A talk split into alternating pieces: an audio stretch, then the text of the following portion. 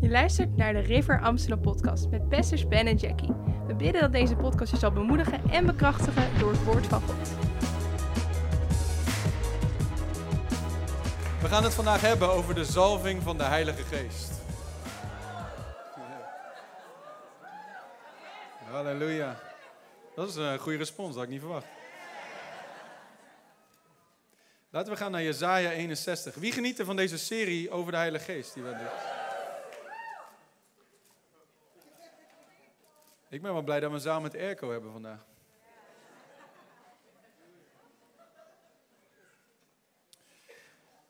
Jezaja 61, vers 1 tot 3. Dit is de tekst die toen Jezus de allereerste preek gaf, pakte hij dit ding erbij. Dus het is vrij belangrijk, zou ik zeggen. Maar Jezaja 61, vers 1, dus, dan zegt de Bijbel, de geest van de Heere is op mij. Omdat de Heere mij gezalfd heeft.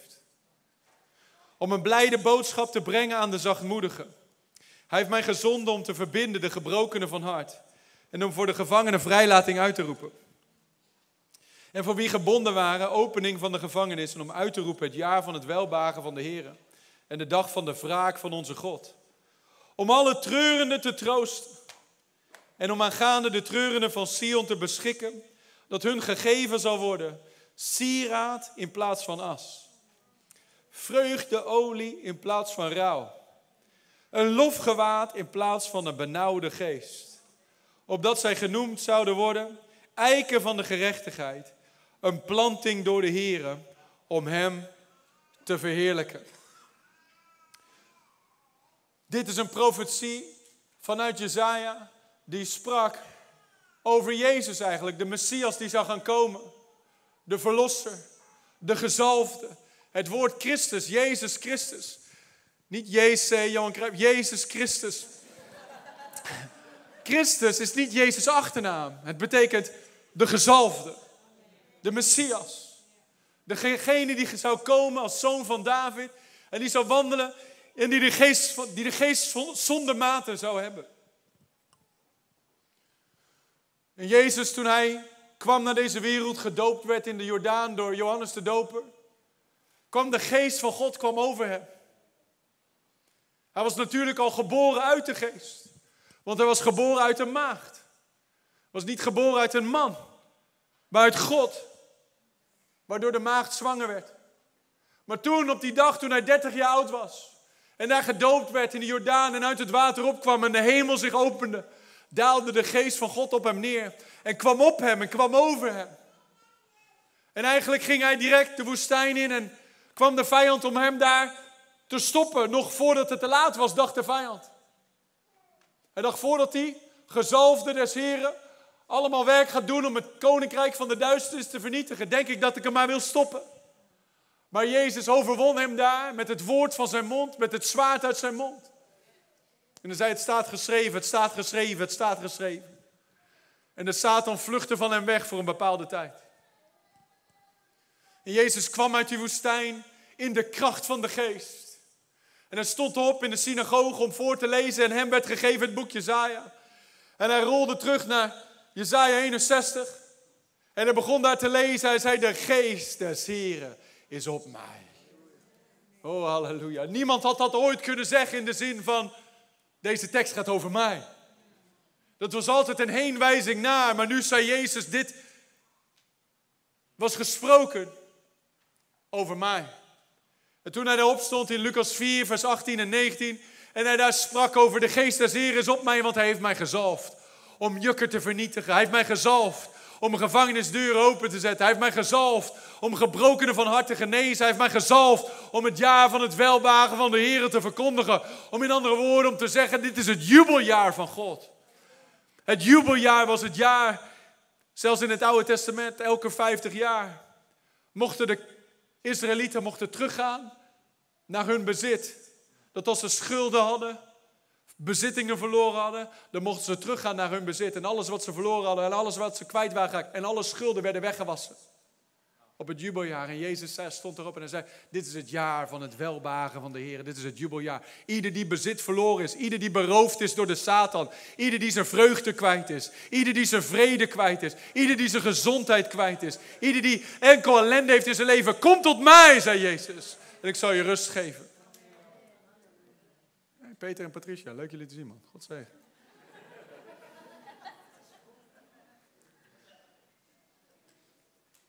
Hij zei, de geest van de Heer is op mij, want hij heeft mij gezalfd.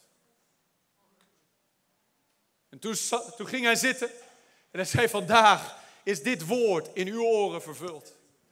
Vandaag is het signed, sealed and delivered. Vandaag is het klaar.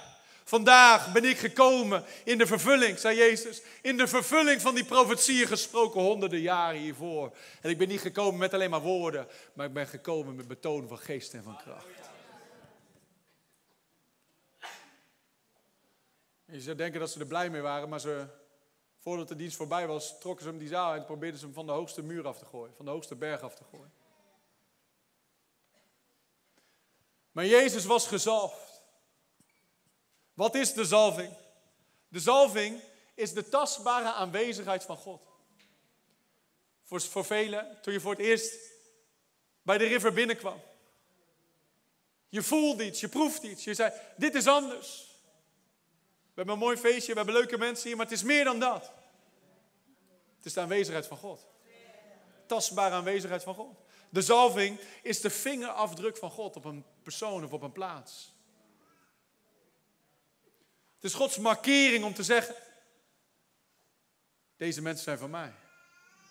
I approve. Het is de bovennatuurlijke toerusting om te doen wat God je geroepen heeft te doen. Jezus zei, de zalving van de Heilige Geest is op mij om. Om te prediken. Om vrij te zetten. Om te genezen.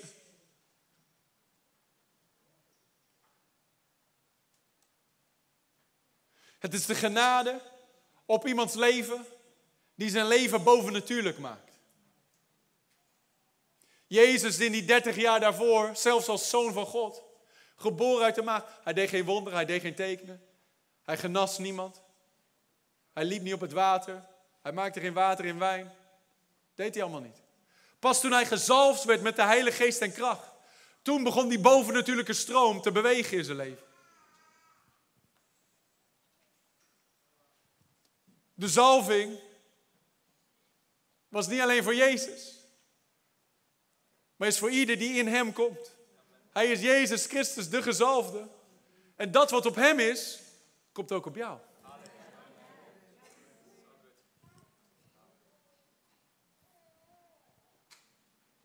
In het Oude Testament zie je verschillende mensen waar de zalving opkwam. En dat alles veranderde vanaf dat moment. We zagen natuurlijk bij Jezus, maar als je teruggaat, dan zie je het zelfs bij een, bij een Saul bijvoorbeeld. Een koning die uiteindelijk een rapportje van ging maken. Een, een man die timide was en mensenvrees had. En toen hij eigenlijk gezalfd zou worden om koning te worden, verstopte hij zich. Maar toen de zalving op hem kwam, de olie op hem kwam, toen veranderde hij in een ander mens. De geest van de Heer werd vaardig over hem. En hij werd vrijmoedig. En hij begon leiding te nemen. En eigenlijk, Israël had nog helemaal geen leger, maar die Saul, die maakte er een leger van. Volgens mij, even uit mijn hoofd, ik weet niet helemaal 100% zeker, dus quote me hier niet op. Maar volgens mij was Saul de koning die de meeste veldslagen won. Hoe dan? Door de zalving. David natuurlijk de koning na hem. Zijn eigen vader zag het niet zitten met David. David was daar ergens op een veld met een paar schapen. En toen de profeet Samuel kwam naar het huis van Jesse, Davids vader, om de volgende koning te zalven. Toen werd David niet eens uitgenodigd. Dus ook al zien mensen het niet zitten met je. Ook al heeft je familie altijd tegen jou gezegd van, ah, je bent een ongelukje. Er wordt niks met jou. Je maakt er altijd een potje van. Je bent zo'n klungel. God ziet het zitten met jou. En Samuel kwam en al die zonen van Jesse die liepen langs en nee, dat is hem niet, dat is hem niet, dat is hem niet, dat is hem niet. Is er nog een ander? Ja, David. Haal hem. En David werd gehaald en de olie werd over hem uitgegoten. De zalving kwam op hem en de geest van de Heer werd vaardig over hem. En de volgende keer dat we David zien, komt hij oog in oog te staan met de reus Goliath. En heel het, heel het leger van de dappere strijders van Israël de weg en deinsde terug voor die, voor die reus. Maar David, kleine tiener, ongeveer 17 jaar oud, zei wie is die onbesneden Filistijn? Dat hij de legers van Israël hoont. Dat hij de God van Israël hoont. Vandaag zal God hem overleveren in mijn hand. En hij ging met een slinger en een steen, ging die achter die reus aan en die reus viel voor zijn neus en hakte zijn kop eraf. Hoe dan? Door de zalving van de Heilige Geest. Zie, we kunnen soms de mensen vanuit de Bijbel kunnen we soms op zo'n voetstuk zetten van oh, dat waren super speciale mensen, dat waren echt de, de helden. Maar dan moest je ze zien voor de zalving op ze kwam. Was niks bijzonders aan ze. De Bijbel zegt het zelfs over Jezus. Dat gestalte had hij niet. Dat als we hem moesten aanschouwen, dan hadden we niet gezegd van nou, dit is hem. Het was niks menselijks aan. Maar het was de zalving van de Heilige Geest. Simson natuurlijk. Die er ook een potje van maakte. Maar de geest van de Heer kwam over hem. En hij had grote overwinningen. Voor het volk Israël. Gideon, de geest van de Heer kwam op hem. En hij was eigenlijk een angstige man. Mensenvrees. Altijd aan het verschuilen voor de vijand van de minste stam van Israël en van, van die stam nog de het minste gezin. Maar toen kwam de geest van de Heer over hem en hij blies op een bazuin en een heel leger komt achter hem aan. En met 300 man verslaat hij een groot machtig leger. Wat kan God met jou doen? Wat kan God met een ieder van jullie doen? Als de zalving van de Heilige Geest over je komt op machtige wijze. Daar waar je vandaag bent, daar ga je niet blijven. Want de geest van de Heer zal vaardig over je komen.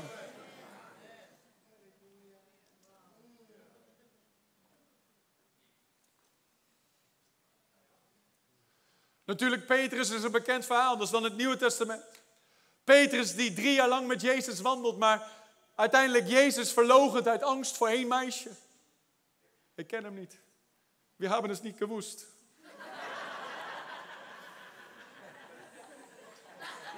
Drie jaar lang met Jezus gewandeld. Sorry, uh, inappropriate joke. Sorry, excuses. Drie jaar lang met Jezus gewandeld. En uiteindelijk verlogent hij Jezus uit angst voor één persoon. Petrus met zo'n grote mond. Petrus, die de wonder had gezien. Petrus die uit de boot was gestapt en op het water had gewandeld. Maar dan gebeurt er iets met Petrus in die bovenkamer wanneer de geest van God over hem komt. En hij verandert in een andere persoon, om het zo, nog steeds dezelfde Petrus, maar nu Petrus 2.0. Gods boven komt op zijn natuurlijke en het werd boven natuurlijk. God super on his natural. Dat maakt het supernatural. En Petrus die ging die bovenkamer uit en begint te prediken vrijmoedig. En 3000 mensen komen tot geloof. Wat is er met Petrus gebeurd? De zalving van de Heilige Geest is over hem gekomen. De kracht van God is over hem gekomen.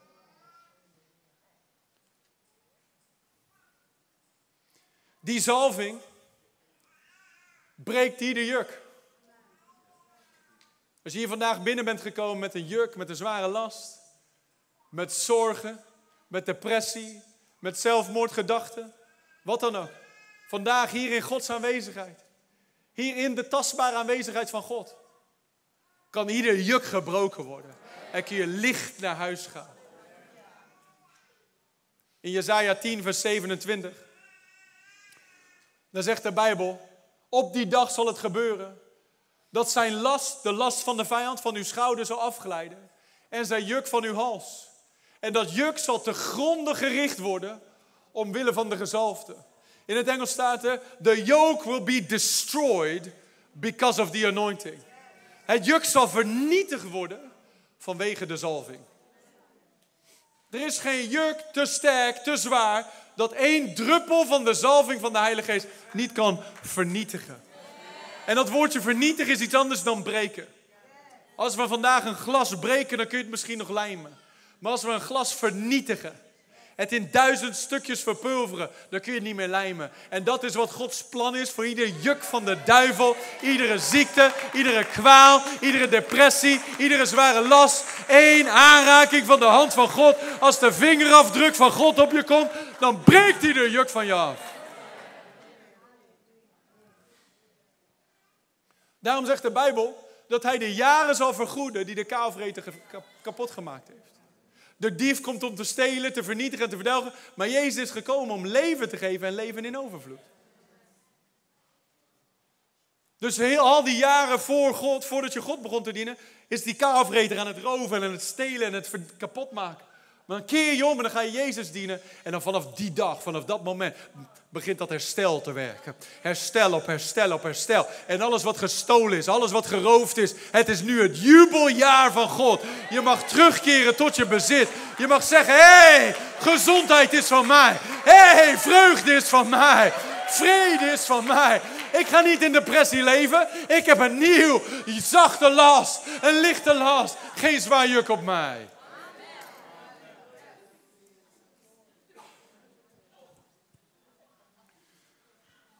In Johannes 11, gaan we nu niet lezen, maar dan kwam Jezus bij het graf van Lazarus. Lazarus was een goede vriend van Jezus. Hij had twee zussen en die zussen hadden bericht gestuurd naar Jezus. Hey, onze broer ligt op sterven, hij is heel ziek. Kom, alsjeblieft. En Jezus zei, ja, ik wacht nog even. Manjana, manjana. Vier dagen later gaat hij erheen. En Lazarus was al gestorven. En die zus komt bij Jezus en zegt, Heer, u bent te laat. Nieuwsflash, God is nooit te laat. God is nooit te laat. Hij had tijd in zijn handen. Hij is boven de tijd. Zelfs als het te laat lijkt. Op donderdagmiddag om vier uur leek het van, oh, we hebben zondag geen plek voor de dienst. Maar God is altijd op tijd. Amen. Hij ging ook niet rennen naar Lazarus toe. Hij liep er gewoon. Jezus heeft nooit haast. Soms denk ik, heer, kom aan, een beetje meer haast mag wel. maar de vrucht van de geest is geduld. Zijn we nog mee bezig. De, de Heer is nog bezig met me. maar Jezus komt aan en ze zeggen, Heer, u bent te laat. Maar heer, de, heer, de Heer zei, nee, als je gelooft, dan zul je de glorie van God zien. Als je gelooft, dan zul je de glorie van God zien. Hij zei, ik ben de opstanding en ik ben het leven. En die Lazarus lag al drie of vier dagen in dat graf. Gewikkeld in die doeken, helemaal embalmd, weet je wel. En Jezus kwam bij het graf en hij zei, rol de steen weg. Open het graf, in andere woorden. Ze zei, heer, nee, hij ligt er al dagen. Het stinkt. Kunt u niet doen. Maar de heer zei, ik heb toch gezegd, geloof. Geloof. Oké, okay, rol die steen weg. En Jezus stond daar en hij, riep, hij dankte God en zei, vader, ik dank u wel dat u me altijd hoort. En toen riep hij met luide stem. Dan moet je wel echt... Hij riep met luide stem het graf in en zei, Lazarus, kom naar buiten. Voor, voor Netflix er was en uh, The Living Dead en weet ik hoe dat allemaal heet. The Rise of the Mummy. Komt Lazarus. Helemaal ingewikkeld in grafkleding. Komt hij dat, komt hij dat, komt hij dat graf uit? Ik denk dat die mensen. Weet je, als je geen Netflix hebt en dan, uh, nog nooit een horrorfilm hebt gekeken, dan is dit wel heel dichtbij. Komt zo eruit zo. Want het is helemaal, helemaal vastgewikkeld natuurlijk. Lazarus, kom naar buiten. En de dode stond op uit de dood. Daar gebeurde een machtig wonder, want de zalving die ging er aan het werk. Lazarus was aan een ziekte gestorven. Dus er gebeurde ten eerste een wonder dat Lazarus genezen werd. Want als hij niet genezen werd van die ziekte, dan zou hij tot, tot leven gewekt zijn en gelijk weer dood gegaan zijn. Dus de ziekte werd uitgedreven, daarnaast werd de dode weer tot leven. En daarnaast, de, de effecten van het vier dagen lang in het graf liggen was ook weg. Dat is machtig. De zalving verbreekt het juk. Maar daar hield het niet alleen op. Want er was ook nog in die grafkleding. En Jezus zei, maak hem los en laat hem gaan. Zie, toen je bij Jezus kwam, kwam je tot leven. Maar sommigen zijn binnengekomen met allemaal grafkleding. Ingewikkeld met de doeken van religie en traditie. Gebonden in dingen die jou helemaal gebonden houden. Van, oh, ik moet dit of ik moet dat of ik ben niet goed genoeg. Of mensen zeggen dit over mijn familie, heeft dat altijd over me gezegd. Maar Jezus zegt vandaag tegen jou, maak hem los, maak haar los en laat haar gaan. Wees vrij in de naam van Jezus. Wie de zoon vrijzet, is waarlijk vrij. En waar de geest van de Heer is, daar is vrijheid. Be free today. Be free today. Wees vrij vandaag in de naam van Jezus. Laat geen slavenjuk meer op je komen. Laat geen leugen meer tot je komen die zegt je bent niet goed genoeg. Je bent geaccepteerd in de geliefde. God heeft gezegd I'm well pleased in you. De zalving breekt ieder juk. Je hoeft niet met zware lasten naar huis. Vriend hier zo? Yes, ga eens even staan. God raakt je aan man. Heb je handen omhoog? Vader, dank u wel voor deze... Sluit je ogen. Dank u wel voor deze man. Jij ook, ga staan. Heb je handen omhoog? Dank u, Heer, voor deze mannen. Dank u voor uw zalving op hun leven, Heer. Vul ze op dit moment, door en door. Vul ze in de naam van Jezus. Dani, wil je even je hand op? De zalving breekt ieder juk in Jezus' naam. Dank u, Heer. Dank u, Heer. Je hoeft niet met een zwaar juk naar huis. Jezus zei, hij zei, kom tot mij. Alle die vermoeid zijn. Alle die zware lasten dragen. Hij zei, leer van mij, want ik ben nederig en zachtmoedig van hart. Neem mijn juk op je, want mijn juk is zacht en mijn last is licht. En je zult rust vinden voor je ziel. De tijd van el, altijd maar weer in de stress, altijd maar weer in de onrust. Die dagen zijn voorbij, lieve mensen. Jezus roept je en hij zegt, kom binnen mijn rust in. Kom binnen mijn rust in, kom binnen mijn aanwezigheid in. Hij is de vredevorst. Laat hem zijn gang gaan in je binnenste. Laat hem zijn gang gaan in jouw leven. Laat hem dit boel opruimen. Laat hem die grafdoeken van je afhalen. En wandel in de vrijheid die, waarmee Christus je hebt vrijgemaakt. Halleluja. De zalving verbreekt die de juk. Vernietigt die de juk. Dan wil ik nog een stapje verder gaan, want die zalving is niet alleen op Jezus, maar jij bent ook gezalfd. Iedereen zegt met me mee, ik ben gezalfd. Ik ben gezalfd. In 1 Johannes 2, vers 20. 1 Johannes 2, vers 20, daar staat, maar u hebt de zalving van de heilige en u weet alles. Dan hoef je tegen Hollanders niet te vertellen, ik zijn zo eigenwijs als maar kan. ik weet toch alles al.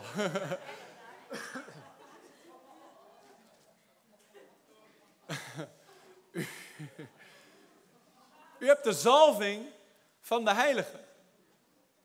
Toen je bij Jezus kwam, toen je in Christus kwam, kwam je in de gezalfde en die zalving kwam in jou. De tastbare aanwezigheid van God kwam in jou.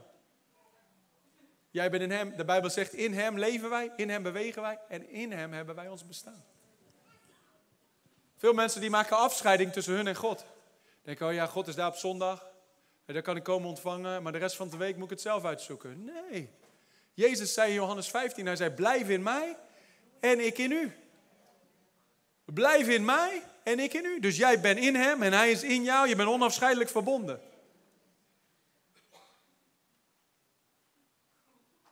Daarom zeggen we, als, als Jezus het niet heeft, hoef jij er ook niet meer rond te lopen. Jezus is niet arm. Dus jij hoeft niet met armoede rond te lopen. Jezus is niet depressief. Of bezwaard of bezorgd over de dag van morgen. Dus jij hoeft er ook niet mee rond te lopen. Want jij bent in Hem. En Hij is in jou. Het is belangrijk om te beseffen dat die zalving op je is. En dat die zalving in je is. Want de zalving onderwijst je in alle dingen. Dat staat in zeven versen verder, 1 Johannes 2, vers 27. Er staat in wat u betreft, de zalving die u van hem hebt ontvangen, blijft in u. En die zalving onderwijst u in alle dingen. Ziet, er zijn een hoop dingen waar, waar wij ons best in doen om, om te onderwijzen, om je te helpen te groeien in de dingen van God. Maar er zijn een hoop dingen waar je de voorgangers hier niet hebt of uh, niet bij je hebt. Dus eh, bijvoorbeeld uh, als jij zegt van, hé, hey, ik wil trouwen met zo en zo, dan zal de, de zalving in je binnenste zal je onderwijzen, is dit groen licht of is dit rood licht? Wij zullen advies geven, maar uiteindelijk heb jij een zalving in je binnenste gekregen, die jou leidt in het woord en het woord aan je openbaart en jou onderwijst vanuit het woord. En het is aan ieder van ons om gevoelig te zijn voor die zalving, gevoelig te zijn voor Gods aanwezigheid en dat te volgen. Daarom zegt de Bijbel, bedroef de Heilige Geest van God niet, die in uw binnenste is. En je kunt hem bedroeven. Hoe dan? Door als hij zegt rood licht, dat je toch doorgaat. Als hij zegt groen licht, dat je toch iets anders gaat doen. Dat als hij zegt, hé, hey, dat wil ik niet meer, dat je toch gewoon je eigen ding blijft doen en het toch blijft doen. Of dat je hem volledig negeert, bijvoorbeeld. Dat is bedroevend. Maar ieder van ons mag hem herkennen, mag, mag relatie met hem ontwikkelen. Dus we hebben een zalving ontvangen, maar daarnaast kunnen we groeien in die zalving. Hoe groeien we in die zalving? Wil ik lezen vanuit Psalm 23.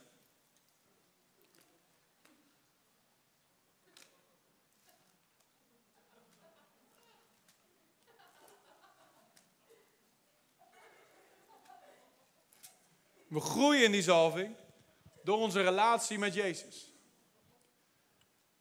We zeggen altijd, waar je mee omgaat, word je mee besmet. Maar ook op goede positieve wijze, toch? Als je met Jezus omgaat, gaat Hij op je afsmeren, om het zo maar te zeggen. Mijn vrouw, die, die, die heeft een paar heerlijke parfums. En dan, dan doet ze dat zo. En dan geef ik haar een kus of een knuffel en zo. En dan ruikt mijn kleding naar haar parfum. Dan loop ik de hele dag rond met vrouwenparfum.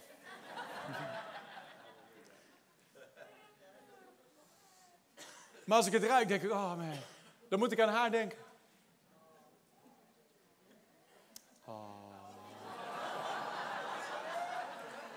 I'm making a point.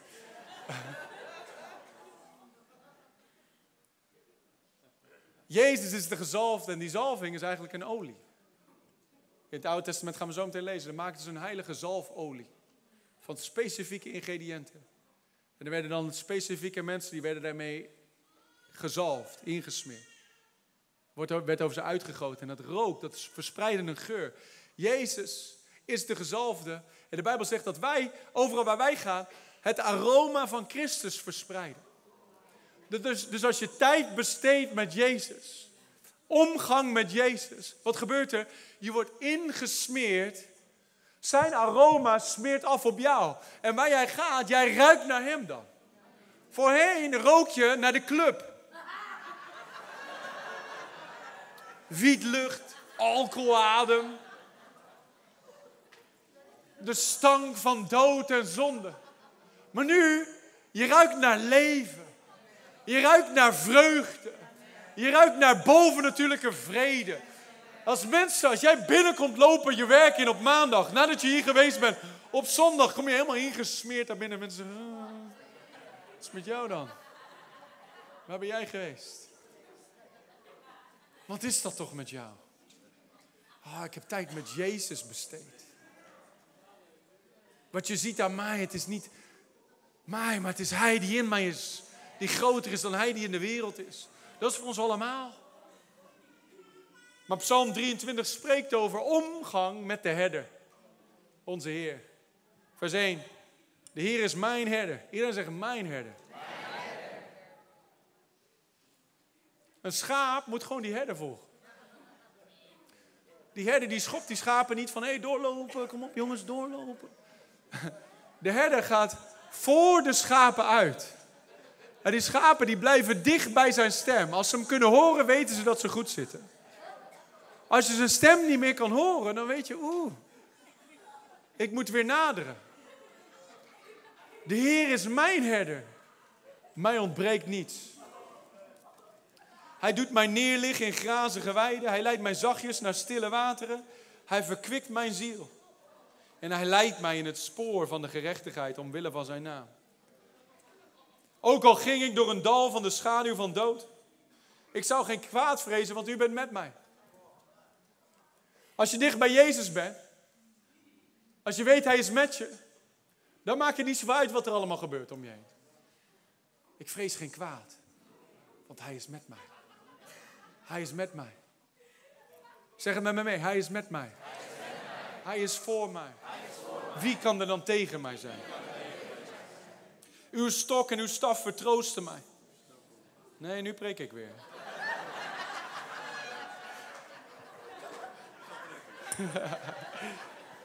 U maakt voor mij de tafel gereed voor de ogen van mijn tegenstander. Ik wil stellen dat je voetbalhooligans hier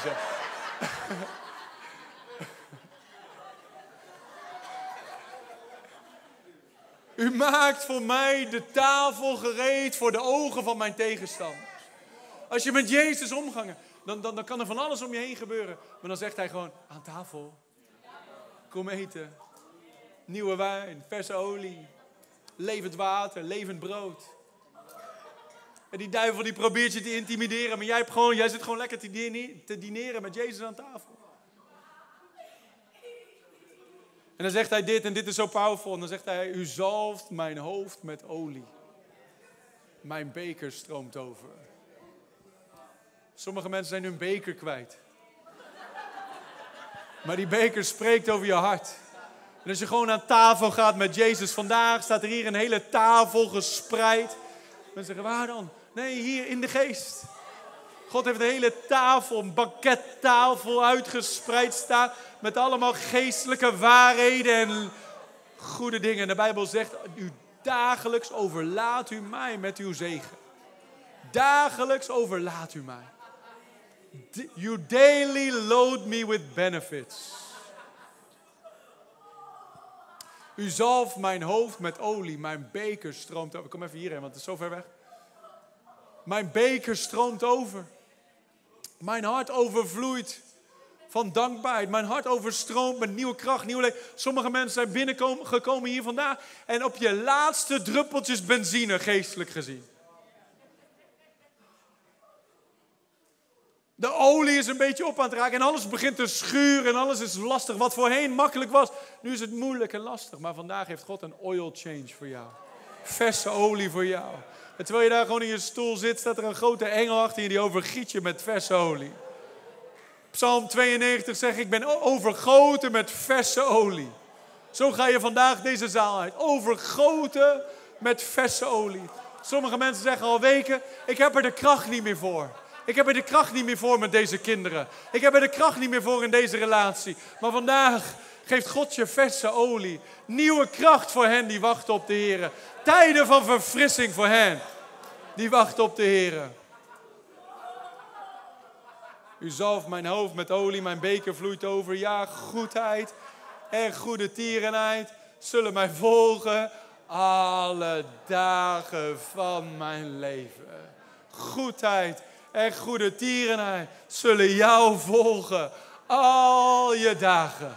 Al je dagen. Op een maandag en op een dinsdag en op een woensdag en een donderdag en een vrijdag kun je elke dag om je heen achter je kijken. Oh, dank u Heer. Goedheid komt achter me aan. Goede tierenheid komt achter me aan. Genade volgt mij vandaag. Zijn genade is nieuw elke morgen. Het maakt niet uit wat vandaag in petto heeft. Maar ik weet één ding. Goedheid en goede tierenheid volgen mij. Want ik ben, een, ik ben in relatie met Jezus. En zijn zalving is op mij. En ik ben dicht bij hem. En dagelijks overlaat hij mij. Oh, halleluja. En dan zegt hij dit, en dit is onze commitment naar de herder toe. En ik zal in het huis van de Heeren blijven tot in lengte vandaag. Ik blijf dicht bij Jezus. Ik blijf dicht bij die gezalfde. Ik blijf dicht bij mijn herder. Ik blijf dicht bij mijn Messias. Want dicht bij Hem. In de schuilplaats van de Allerhoogste. Daar zal ik geen kwaad vrezen. In de schuilplaats van de Allerhoogste ben ik beschut onder de schaduw van de Almachtige. Een pijl zal rondvliegen in de dag. En pest, verderfelijke pest zal rondgaan in de nacht. Maar ik zal voor al die dingen niet vrezen. Want een, een, duizend zullen vallen aan mijn zijde en tienduizend aan mijn rechterhand. Maar bij mij, bij mij zal het niet komen. Want ik ben beschut in de schuilplaats van de Allerhoogste. Oh, halleluja. Hij is met mij. Hij is voor mij. Hij is om je heen.